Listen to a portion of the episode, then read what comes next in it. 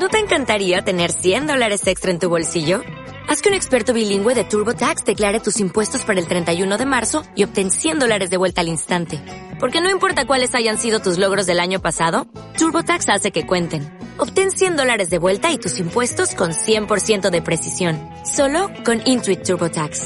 Debes declarar para el 31 de marzo. Crédito solo aplicable al costo de la presentación federal con TurboTax Full Service. Oferta sujeta a cambios o cancelación en cualquier momento. Montag, Montag, quiero que vea usted esto. Voy, señor. Vamos, a prisa. Solo una vez en mi vida había visto tantos libros juntos. En aquella época yo era un simple aspirante. Ni estaba capacitado para utilizar el lanzallamas. Escúcheme. A todo bombero, una vez al menos en su carrera, le tienta saber lo que contienen estos libros. Incluso daría su vida por ello. Bien, pues puede creerme, Montag. No hay nada en ellos. Los libros no dicen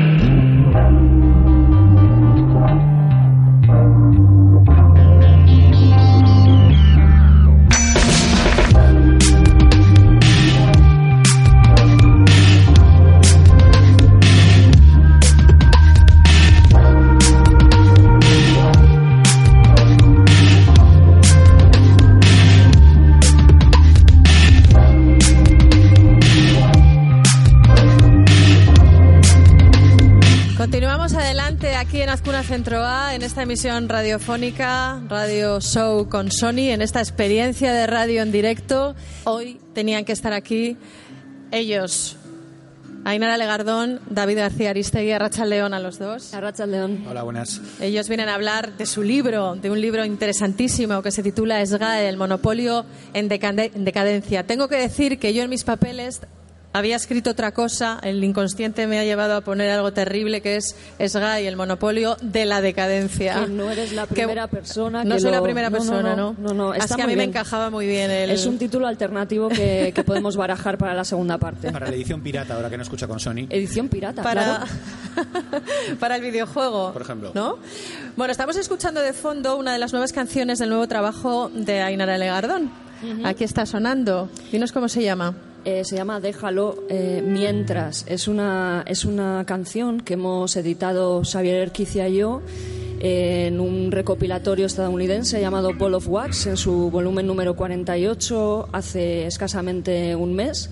Es una versión especial que solo saldrá en este recopilatorio y que hoy he querido traerla para compartirlo con vosotros. No saldrá en el próximo disco, así que es algo también especial y algo creado desde un punto de vista pues que tiene mucho que ver con hacer libremente, crear libremente y la experimentación y la investigación sonora. Bueno, esto es algo que no hacen muchos artistas, ¿no? Mostrar tanta tripa, ¿no? Del- de lo que hacen, o por lo menos la industria mainstream. Claro, yo no como sé s- si te diría hoy que lo que estás haciendo no es correcto. Claro, yo soy una artista autogestionada y me puedo Claro. permitir hacerlo. Esa es la, la cuestión, lo que se estaba hablando antes también, ¿no? Que, que la autora, en este caso, pueda tener la capacidad de decidir sobre mostrar eh, procesos eh, a medio crear, sobre mostrar canciones antes de que salga el disco o sobre cualquier otro tema que, le- que incumba a su propia carrera y a, y a la gestión de sus derechos. Ainara, tu relación con la SGAE es evidente. Tú eres música, eres autora, eres creadora y eres socia de la SGAE, ¿no? Sí, soy socia de SGAE desde hace ya más de 20 años. Eh, pues desde que empecé a, a sonar en, en Radio 3 eh, me, me ofrecieron un contrato discográfico y alguien pues me dijo que para cobrar mis derechos de autor debía asociarme a SGAE. Yo en aquel momento pues no tenía tampoco las herramientas Claro. mentales ni la madurez quizás como para plantearme si había otras alternativas, qué supondría para mi carrera eso de asociarse a, una entidad de gestión. Ni siquiera me, planteaba, pero qué es eso de, una entidad de gestión hasta que una amiga mía, Violeta, que, aparece en el libro porque es una referencia para mí, me habló de lo que era la propiedad intelectual hace 20 años. Bueno. Además de esa, de esa vinculación, entre comillas, que tienes con SGAE por ser creadora, tú estás muy implicada, estás muy comprometida con todo esto, impartes talleres sobre derechos de autor, eres una persona, como digo, muy activa y muy activista en este sentido y yo creo que también eres una artista en constante cambio, búsqueda y evolución. y eso quizá te haya llevado a meterte en la aventura de escribir este libro. Bueno, luego en cualquier caso nos lo cuentas. David García Aristegui también tiene su vínculo con, con la SGAE, es a través de, de su abuelo exactamente, de Fernando García Morillo.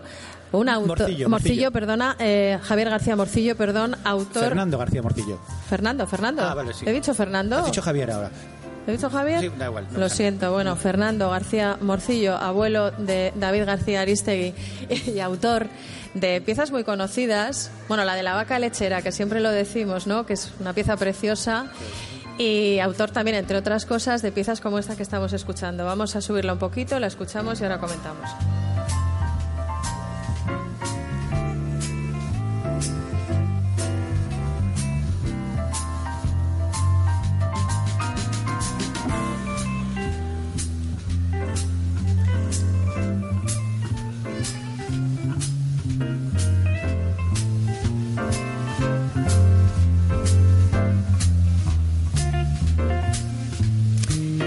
Yo la dejaría entera, pero como tenemos esta manía de pisar las canciones en la radio, ¿no, David? ¿A ti qué te hace sentir escuchar eh, algo que compuso tu abuelo? Es que eh, la figura de mi abuelo ha sido totalmente tapada por algunas pocas canciones de, de muchísimo éxito, ¿no? Pues como Mi vaca lechera, La tuna compostelana, María Dolores, etcétera. Pero fue uno de los primeros músicos de, de jazz eh, del, del Estado español. Él además tocaba el trombón de varas. Y mm, nada, la verdad que no es una, no es una herencia que él reivindicara mucho, hablaba muy poco de su época jazzística. Y esto que está sonando es de una, de una película de terror del año 1987, El aullido del diablo, dirigida por, por Paul Nachi, el mejor hombre lobo del mundo. Lo ha hecho Steven Spielberg, eso. Y nada, pues de vez en cuando retomaba su faceta de jazz y la verdad que sonaba con, con mucho, con mucho swing y la verdad que era, era impresionante. Él había colaborado con un montón de gente como Pedro Turralde y todas las figuras del jazz. Una u otra ocasión habían to- tocaron con mi abuelo. Es preciosa esta pieza y muy relajante, por cierto. Parece mentira que provenga de una película titulada El aullido del diablo. ¿eh? bueno, pues eh, no sé si os he dado la enhorabuena, pero yo quiero deciros a los dos de corazón que habéis hecho un trabajo muy bueno con esta publicación y. y no sé, yo en principio creo que no, no era nada fácil, ¿no? El reto que teníais por delante, hablar de la SGAE, un monstruo financiero tremendo, hacer un análisis ordenado, cabal, sin entrar tampoco en el tópico del ataque por el ataque. Esto supongo que os ha llevado mucho tiempo y muchas reflexiones previas, ¿no? Como la instigadora Sainara, que, que lo explique ella. Sí, el- la propia escritura del libro ha, ha durado unos dos años, pero ya venía, pues, de, entroncaba con, con otras investigaciones previas, con el libro ¿Por qué Marx no habló de copyright? de David, en Enclave en 2014, y algunos trabajos académicos míos y artículos, como Otro modelo es posible, que analizaba un poco los, el conflicto existente entre la gente que decide usar licencias libres y el modelo de gestión de SGAE. Todo empezó con estas, con estas publicaciones, estas investigaciones, nos dimos cuenta de que bueno, la cosa iba cogiendo cuerpo y que teníamos bastantes cosas que decir. El tono en el que decirlas y el estilo sí que es lo que más nos ha costado, porque hasta entonces pues veníamos, yo por lo menos venía escribiendo más técnicamente, eh, eh, puesto que eh, otro modelo es posible fue mi trabajo final de propiedad intelectual y tenía pues términos jurídicos hacia alusiones eh, a la ley, eh, bueno. La verdad es que si no estabas muy puesto es difícil de, asumir y de, comprender. Entonces, desde Consonni siempre nos han guiado para elegir ese estilo que, sea asequible, que sea incluso, nos han dicho que es divertido, que, el libro se hace divertido en ocasiones y yo creo que sí que hemos logrado contar eh, hablar tanto de la propiedad intelectual en general, en general, dar pinceladas, pero del modelo de gestión de SGAE y localizar esos conflictos, esos puntos negros que desde dentro vemos los socios, eh, David como heredero, yo como, como creadora, eh, ponerlos ordenadamente, ponerlos con ejemplos y en un lenguaje que pueda entender todo el mundo. y se puede entender. O sea que, claro, a priori yo, yo caigo un poco también en ese tópico, ¿no? Quizá porque a todos nos da pereza acercarnos a la SGAE precisamente por ese tamaño y lo porceloso que hay detrás, ¿no? Pero se puede, se puede explicar. Sin atacar. Se puede y se debe, ¿no? Y una de las eh, frases, yo creo, más interesantes del libro nos la regaló Anton Reisa, que es que lo que es justo tiene que poder ser explicable. Y entonces, eh, lo que más nos interesaba que no fuera un libro para especialistas, ¿no? Es decir, que sin conocimientos previos la gente se pudiera acercar a un libro que habla de la gestión colectiva en general y de las GAE en particular. Eh, toca un montón de temas que cualquier persona interesada en lo que es el trabajo en las industrias culturales lo, lo va a poder disfrutar. Insisto en que no hace falta conocimientos previos. Y sí, la verdad que ha sido, era lo que más nos obsesionaba, ¿no? Eh, conseguir un tono de ensayo periodístico, que es como ha evolucionado los ensayos últimamente, es decir, un ensayo que dialogue con muchos más sectores del específico al que en teoría te, referirías y yo creo que, bueno, pues modestamente parece ser que lo, hemos logrado. Bueno, lo habéis logrado. Habéis logrado también que la gente hable muy bien del libro. Y tenemos aquí una grabación para vosotros, un mensajito que os ha querido dejar Servando Rocha, el escritor del prólogo de este libro. A ver qué, qué os parece lo que os dice Servando. David, Ainara, habéis sacado el libro y inmediatamente, en pocos días, la hecatombe en las GAE. 18 detenidos. Eh, no me digáis que no sois los culpables de ese terremoto, sois los culpables.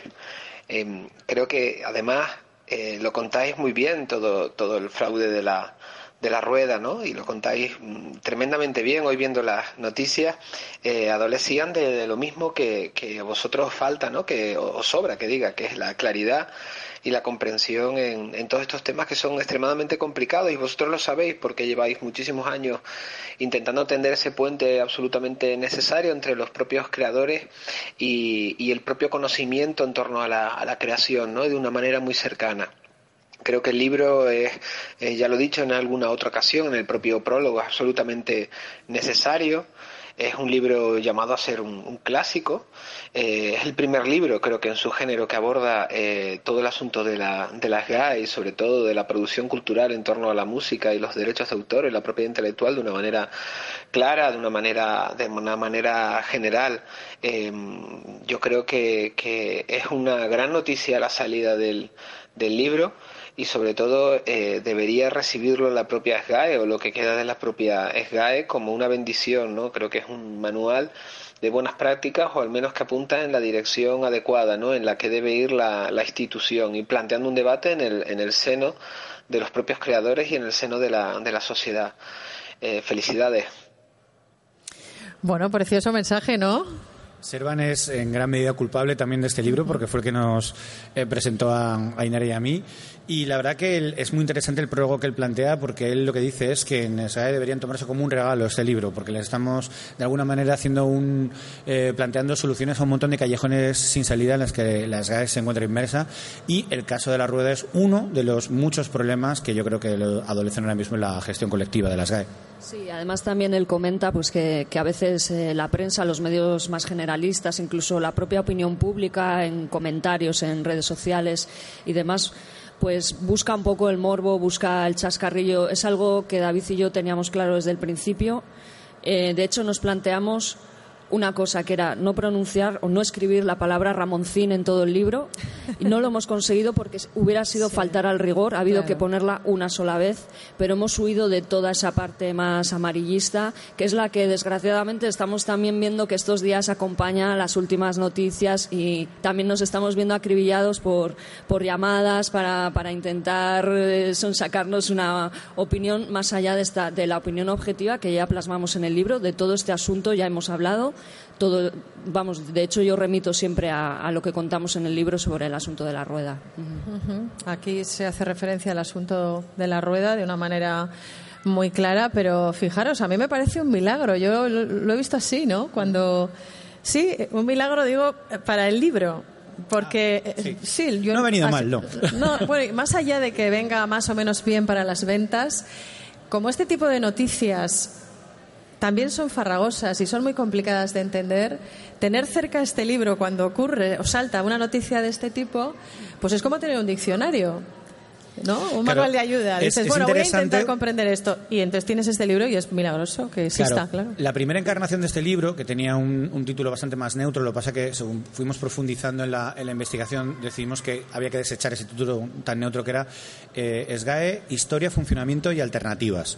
Y al final, un poco, pues producto del mosqueo, de la indignación de lo que habíamos profundizado, cambió el, título, el, título del libro al, actual, aunque nos gusta la, propuesta alternativa que, que, nos has hecho, no está, no está nada mal. Y también iba a ser un poco un manual, iba a ser eh, una cosa un poco más árida. Planteamos también pues que fuera un libro modular y que cada uno, rollo, elige tu propia aventura, ¿no? Pudieras saltar a las partes que más, que más te interesara. Y al final dijimos que no, que era necesaria una narración, una narración rigurosa, pero narración ya al fin y al cabo. Y también nos dio un muy buen consejo con Sony que, sin abusar, tanto la figura como Ainara como yo teníamos que estar ahí en, algún momento dado de la narración. Sí, además, eh, dicho esto, es un libro que no deja de ser súper interesante a la hora de, explicarle, por ejemplo, a la gente que acude a los talleres de, de autogestión o a los talleres de propiedad intelectual que impartimos nos sirve también como casi como libro de texto. Es algo que, me parece muy raro, que no me esperaba, ¿no? Que, en el tono de, ensayo que, periodístico, crítico, reflexivo que hemos, que hemos plasmado pudiera ser también un manual de uso y creo que, que sí que tiene esa dualidad, como a ti te gusta decir. Y, con tablas, es que a mí me gustan mucho las tablas, me las han arrinconado al final del libro, yo quería abrir con ellas, pero bueno, que también está, ¿no? que a mí me, encajan mucho las, ideas y me aclaran las ideas mucho. Cuando las ahí están las tablas, ¿no? ¿Las estás enseñando? Sí.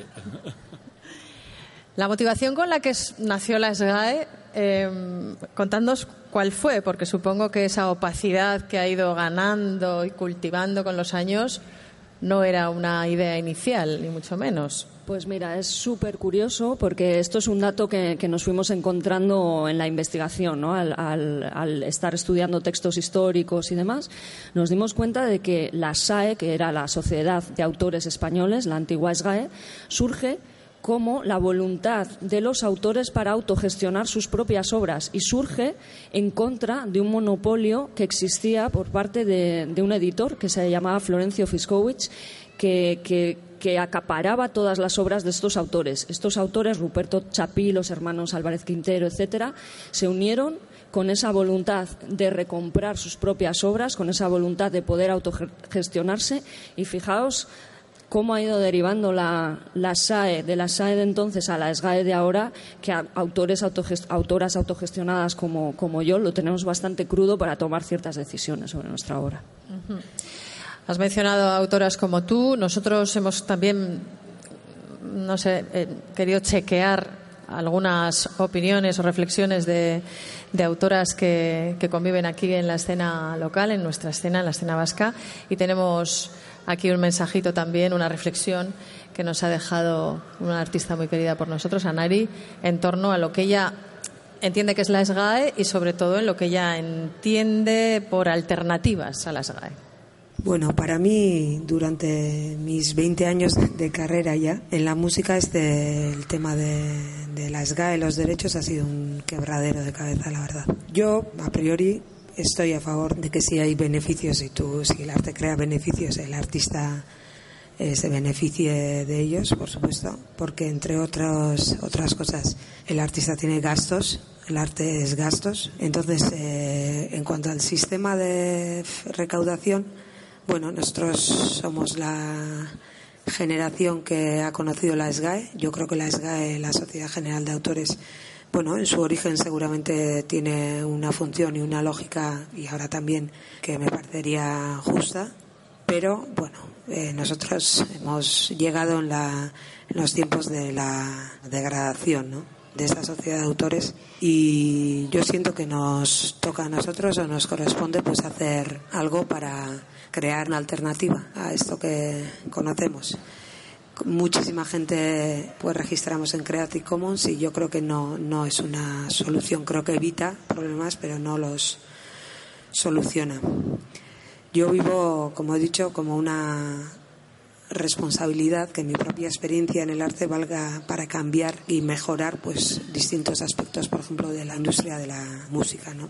Y intento que todo lo que hago, bueno, por lo menos a la gran rueda que es eh, la gran industria, pues ponga una pequeña astilla y le haga rectificar, aunque sea una pequeña vuelta, ¿no? En mi experiencia, pues Videout es crear Videout junto con otros músicos sería una, un, ejemplo de, esto.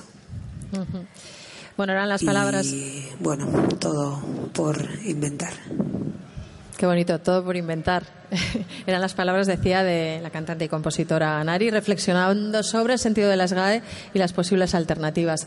David, has pedido la palabra, así que. Sí, una de las cosas más importantes, que más obvias, pero más importantes de lo que ha planteado Nari es que el arte tiene gastos. Yo que vengo de los movimientos sociales, tenemos una acusada tendencia o inercia que para cualquier problema es que venga un grupo y toque gratis. ¿no? Entonces nunca se contempla que hay que ensayar, que los instrumentos cuesta dinero, que te tienes que formar para, para aprender, la gasolina, la furgoneta, todo eso. ¿no? Porque claro, la gente dice, ¿tú por qué quieres cobrar si yo estoy aquí poniendo cachis ¿no? y yo no estoy cobrando? Y digo, bueno, pues tú estás poniendo cachis porque quieres, probablemente porque vayas a ligar, pero no te has tenido que entrenar ni has tenido que comprar instrumentos para ponerlos.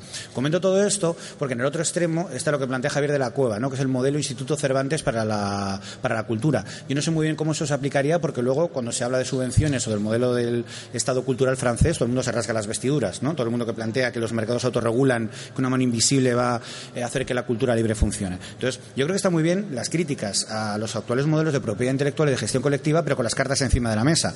¿Estamos a favor de las subvenciones o no? ¿Estamos a favor de convertir a los artistas en funcionarios, con todo lo que ello implica o no, porque ese sería el modelo del Instituto Cervantes. ¿Estamos a favor de remunerar de una manera razonable el trabajo artístico? Sí, ¿de qué manera? Yo, estos son un montón de debates que yo creo que estaría muy bien acotar ¿no? y ir dirimiendo. Sí, sí, estoy muy de acuerdo contigo, David.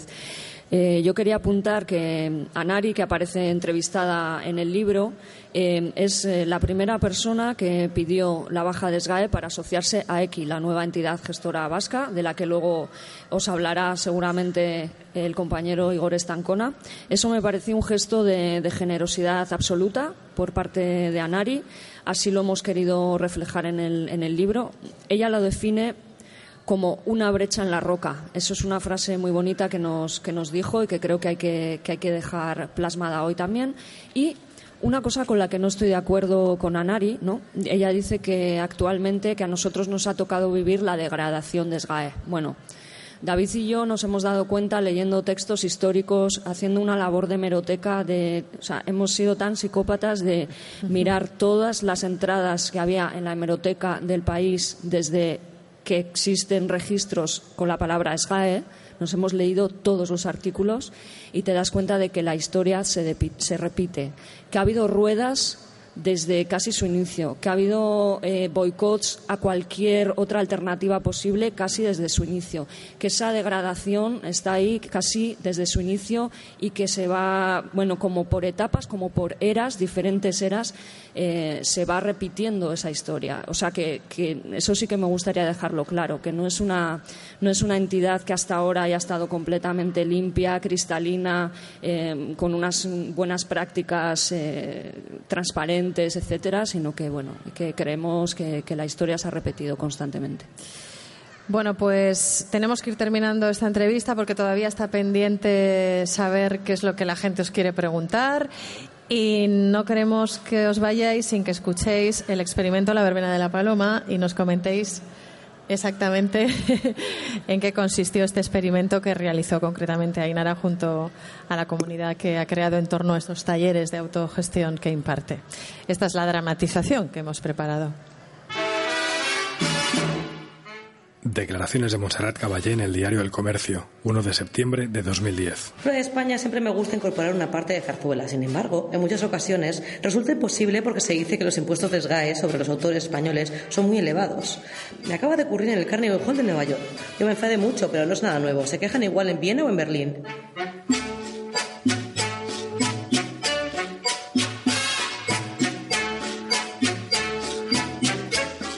27 de julio de 2011. Artículo de Ignacio Escolar en el Diario Público. Cada vez que alguna orquesta en el mundo interpreta La Revoltosa de Roberto Chapí, hay un autor que cobra. No es el maestro Chapí, que murió hace ya 102 años, ni los creadores del libreto de esta famosa zarzuela, Carlos Fernández Sau y José López Silva, también muertos. Tampoco sus herederos. Esta obra, en teoría, ya está en el dominio público y no debería generar derechos de autor. El compositor vivo de La Revoltosa, el único que aún cobra derechos, nació más de medio siglo después de que esta zarzuela se estrenase. Se llama Emilio Casares Rodicio y tiene su despacho en el sótano del Palacio de Longoria, en la sede de las GAE, en Madrid.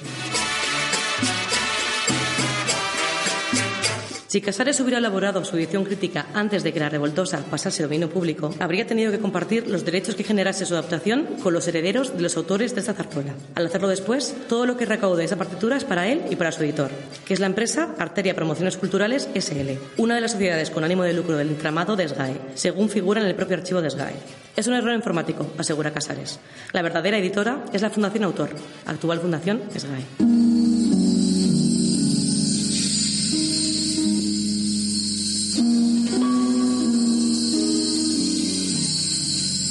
Ainara pidió cinco voluntarios dentro de la comunidad que se ha creado en torno a sus talleres de autogestión para participar en una acción colectiva que requirió la máxima discreción. La estrategia fue simple.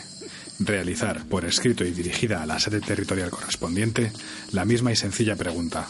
¿Está la verbena de la paloma en dominio público?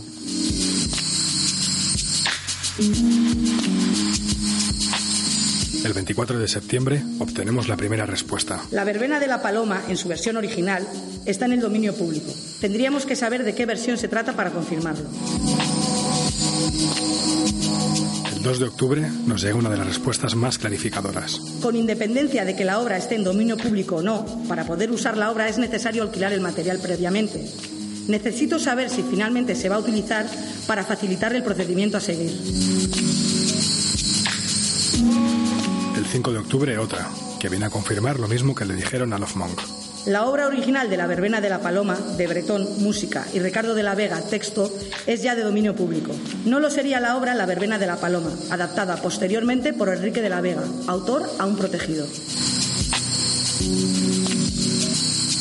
El 22 de noviembre, otra y en la misma línea. La versión original sí es de dominio público. Si queréis hacer otra versión o alquilar material lírico, debéis cumplimentar el modelo de licencia que está disponible en nuestra web.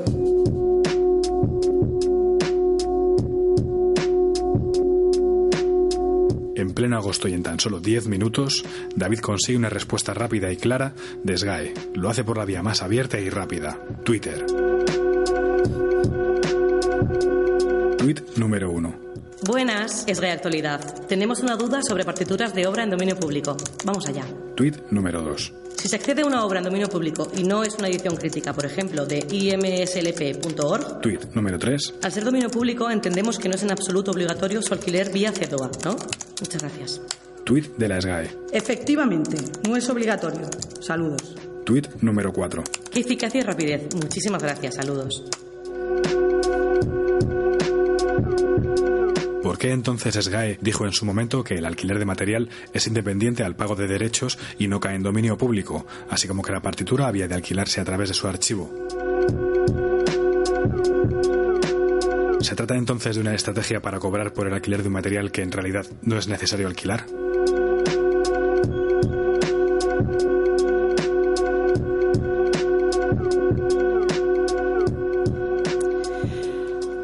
Pues aquí está Ainara Legardón y David García Aristegui, tronchados de la risa, ¿no? ¿Por qué os reís tanto? Bueno, esto es un poco sainete, ¿eh? la verdad, Sí, este cruce de mensajes. No, no nos debe dar risa, sino que nos debe entristecer bastante, ¿no? Yo creo. Eh, es una de las partes más divertidas del libro. La Bueno, hemos, hay, com- una la ironi- hemos- hay mucha ironía. la hemos convertido en una de las partes más divertidas, pero lo que subyace debajo, en realidad, tiene unas cuestiones que es, que es las que se han planteado en este último párrafo, pues, pues muy grandes, ¿no? Y cuestiones que planteamos como quién vigila a los vigilantes, quién salvaguarda lo que es de todos, el dominio público. Eh, SGAE, en realidad, bueno, la- la- todo este experimento surge porque cuando empezamos a, escribir el libro, eh, contactó con nosotros pues muchísima gente que nos quería contar pues sus, sus problemas y entre ellos estaba la discográfica eh, Love Monk de Madrid, Borja Torres, nos dijo que había tenido un problema, que llevaba dos años intentando que SGAE le contestara si la verbena de la paloma estaba en dominio público. Madre mía. Eh, nos mandó copia de todos los mails, eh, lo pudimos comprobar eh, y en el libro lo, contamos. Hacemos un pequeño resumen porque, claro, fueron dos años de insistir, insistir. la SGAE daba largas. Es que es una obra con mucha documentación, tenemos que, que comprobarlo. Disculpen, vamos a remitirle al, a otro departamento, etcétera, etcétera. Y, claro, pues ya desesperado nos pidió ayuda y dijimos, vale, ok, a mí se me ocurrió hacer pues esta acción colectiva y desde distintas ciudades de todo el Estado hacer esa simple pregunta. La, respuesta que, que, más llamó la atención, desde luego, fue esta que dice que el alquiler de material es independiente al pago de derechos y no cae en dominio público. Este, como cualquiera de los materiales de las 10.000 obras líricas que gestiona SGAE, ha de alquilarse en nuestro archivo, pues así lo determinaron los autores al hacerse socios, cediendo la reproducción y alquiler de materiales de sus obras a la sociedad de autores mientras ésta exista. Esto significa que si ustedes tienen copia de estos, de la original, que está en dominio público, que se trate, salvo que se trate de la versión de canto y piano, en cuyo caso deben habernosla solicitado previamente, no sería de manera lícita. Nos estaban ya incluso acusando, ¿no? Eh, entrevistamos a dos expertos para ello. No, quisimos estar solos en este experimento. Entrevistamos a José Sánchez Sanz, compositor y profesor de composición en la Universidad Europea de Madrid, y a Ernesto Mateo, eh, profesor del Conservatorio de, de, Gran Canaria y presidente de Promuscan, una asociación de músicos de, de Canarias. Ambos nos remitieron a la plataforma IMSLP como el banco de partituras de obras en dominio público más utilizado. Fuimos a esa plataforma y perfectamente pudimos descargar la partitura de la verbena de la paloma original que sí estaba en dominio público, algo que SGAE no nos acabó de contestar. Aquí está la partitura. Un aplauso. Sí, señor.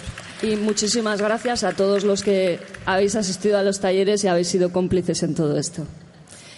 Bueno, pues yo me quedo con ganas de preguntaros un montón de cosas. No hemos hablado de la implicación política, si es que la ha habido a lo largo de la historia de la. No hemos hablado de, muchas cosas que se quedan en el tintero, pero bueno, habrá más ocasiones, espero.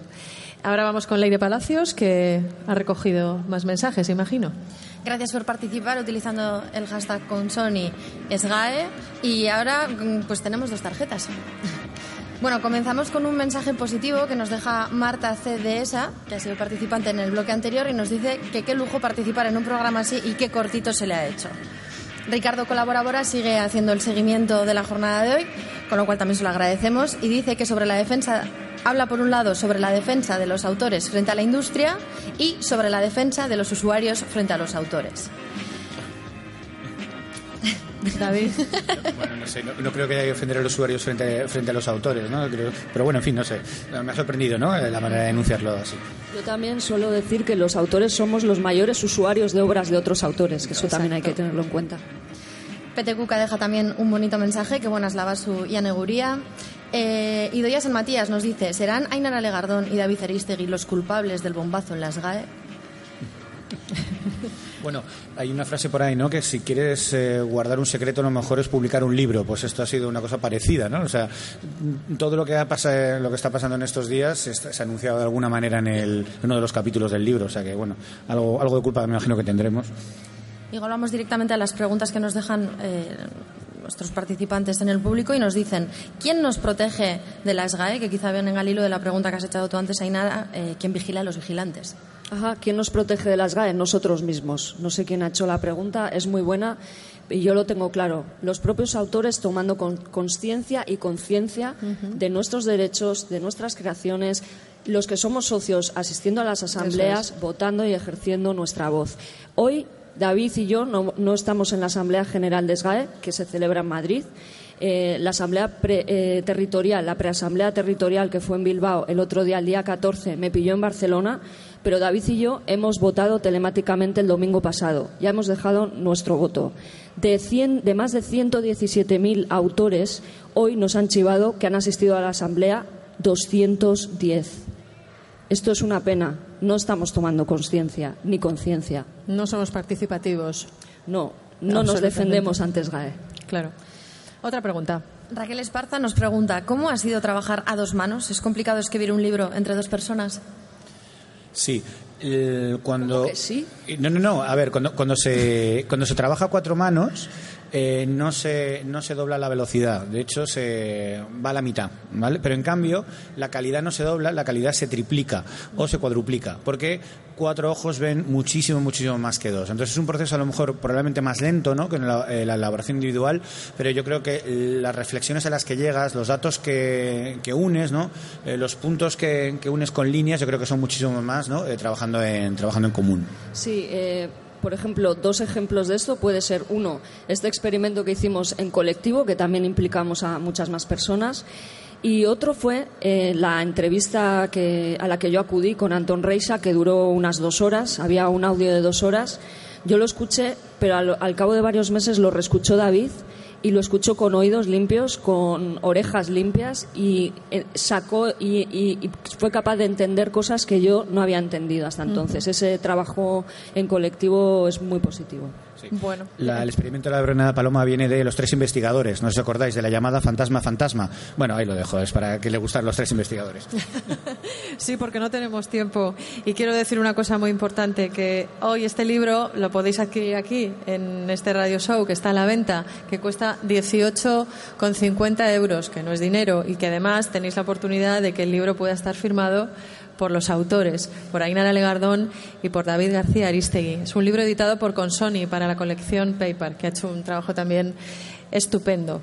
Bueno, pues enhorabuena otra vez a los dos, de verdad, ha sido un lujo teneros, ¿eh? engancháis. De, Muchas gracias.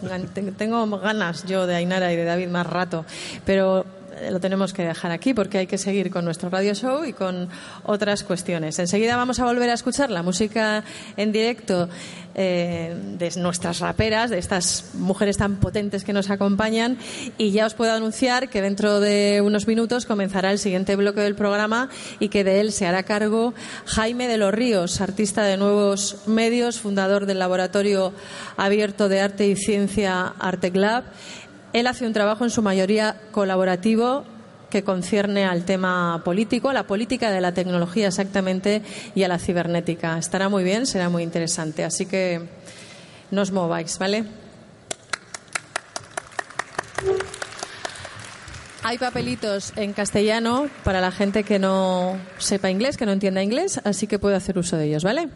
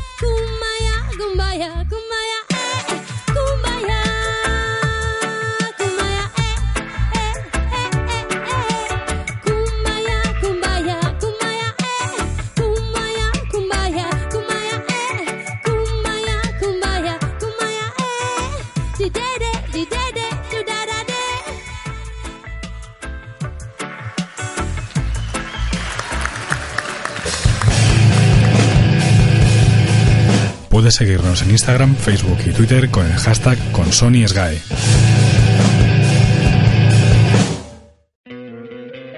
¿No te encantaría tener 100 dólares extra en tu bolsillo? Haz que un experto bilingüe de TurboTax declare tus impuestos para el 31 de marzo y obtén 100 dólares de vuelta al instante. Porque no importa cuáles hayan sido tus logros del año pasado, TurboTax hace que cuenten. Obtén 100 dólares de vuelta y tus impuestos con 100% de precisión. Solo con Intuit TurboTax. Debes declarar para el 31 de marzo. Crédito solo aplicable al costo de la presentación federal con TurboTax Full Service. Oferta sujeta a cambios o cancelación en cualquier momento.